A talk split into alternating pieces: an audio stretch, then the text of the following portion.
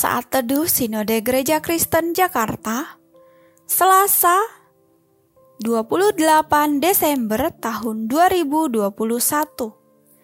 Judul renungan, Bersyukur atas penyertaannya.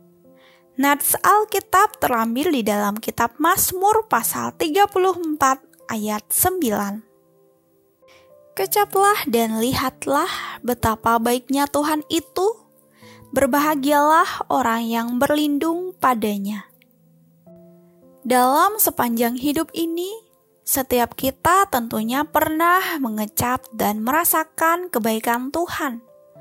Kalau kita ada sampai saat ini dalam keadaan yang baik, sehat tanpa kekurangan suatu apa pun, itu merupakan anugerah Tuhan yang patut kita syukuri.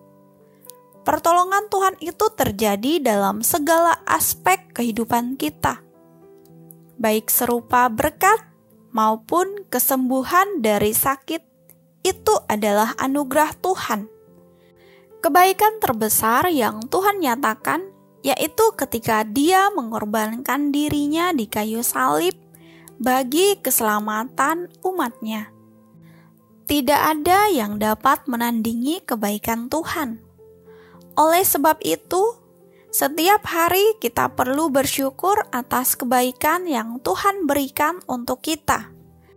Jangan pernah mengeluhkan kondisi yang kita alami, sebab ketika kita dapat bersyukur, kita akan dapat melihat kebaikan Tuhan dalam hidup kita.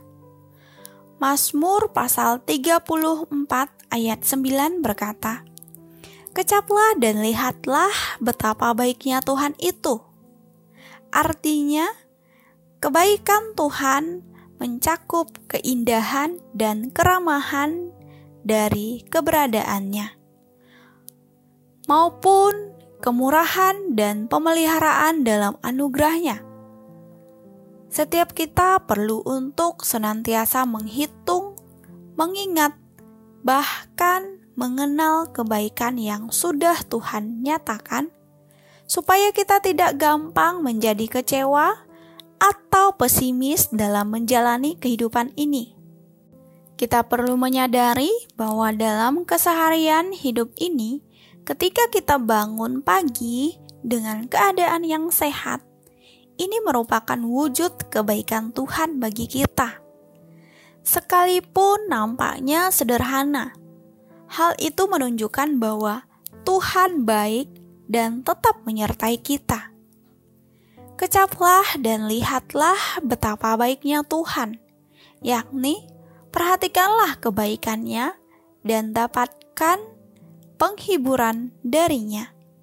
Dia baik sebab dia membuat semua orang yang percaya kepadanya benar-benar diberkati.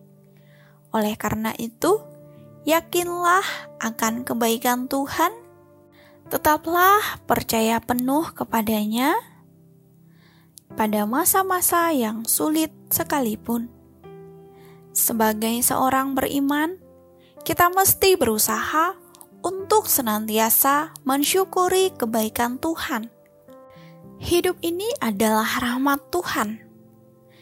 Kita hidup karena belas kasihan Tuhan karena itu, pantaslah kita senantiasa berterima kasih dan bersyukur kepada Tuhan. Mari kita terus bersyukur kepada Tuhan, karena hanya anugerahnya kita ada sampai saat ini. Kebaikan, kemurahan, dan penyertaan Tuhan telah kita nikmati. Oleh karena itu, bersyukurlah. Amin. Terima kasih. Tuhan Yesus memberkati.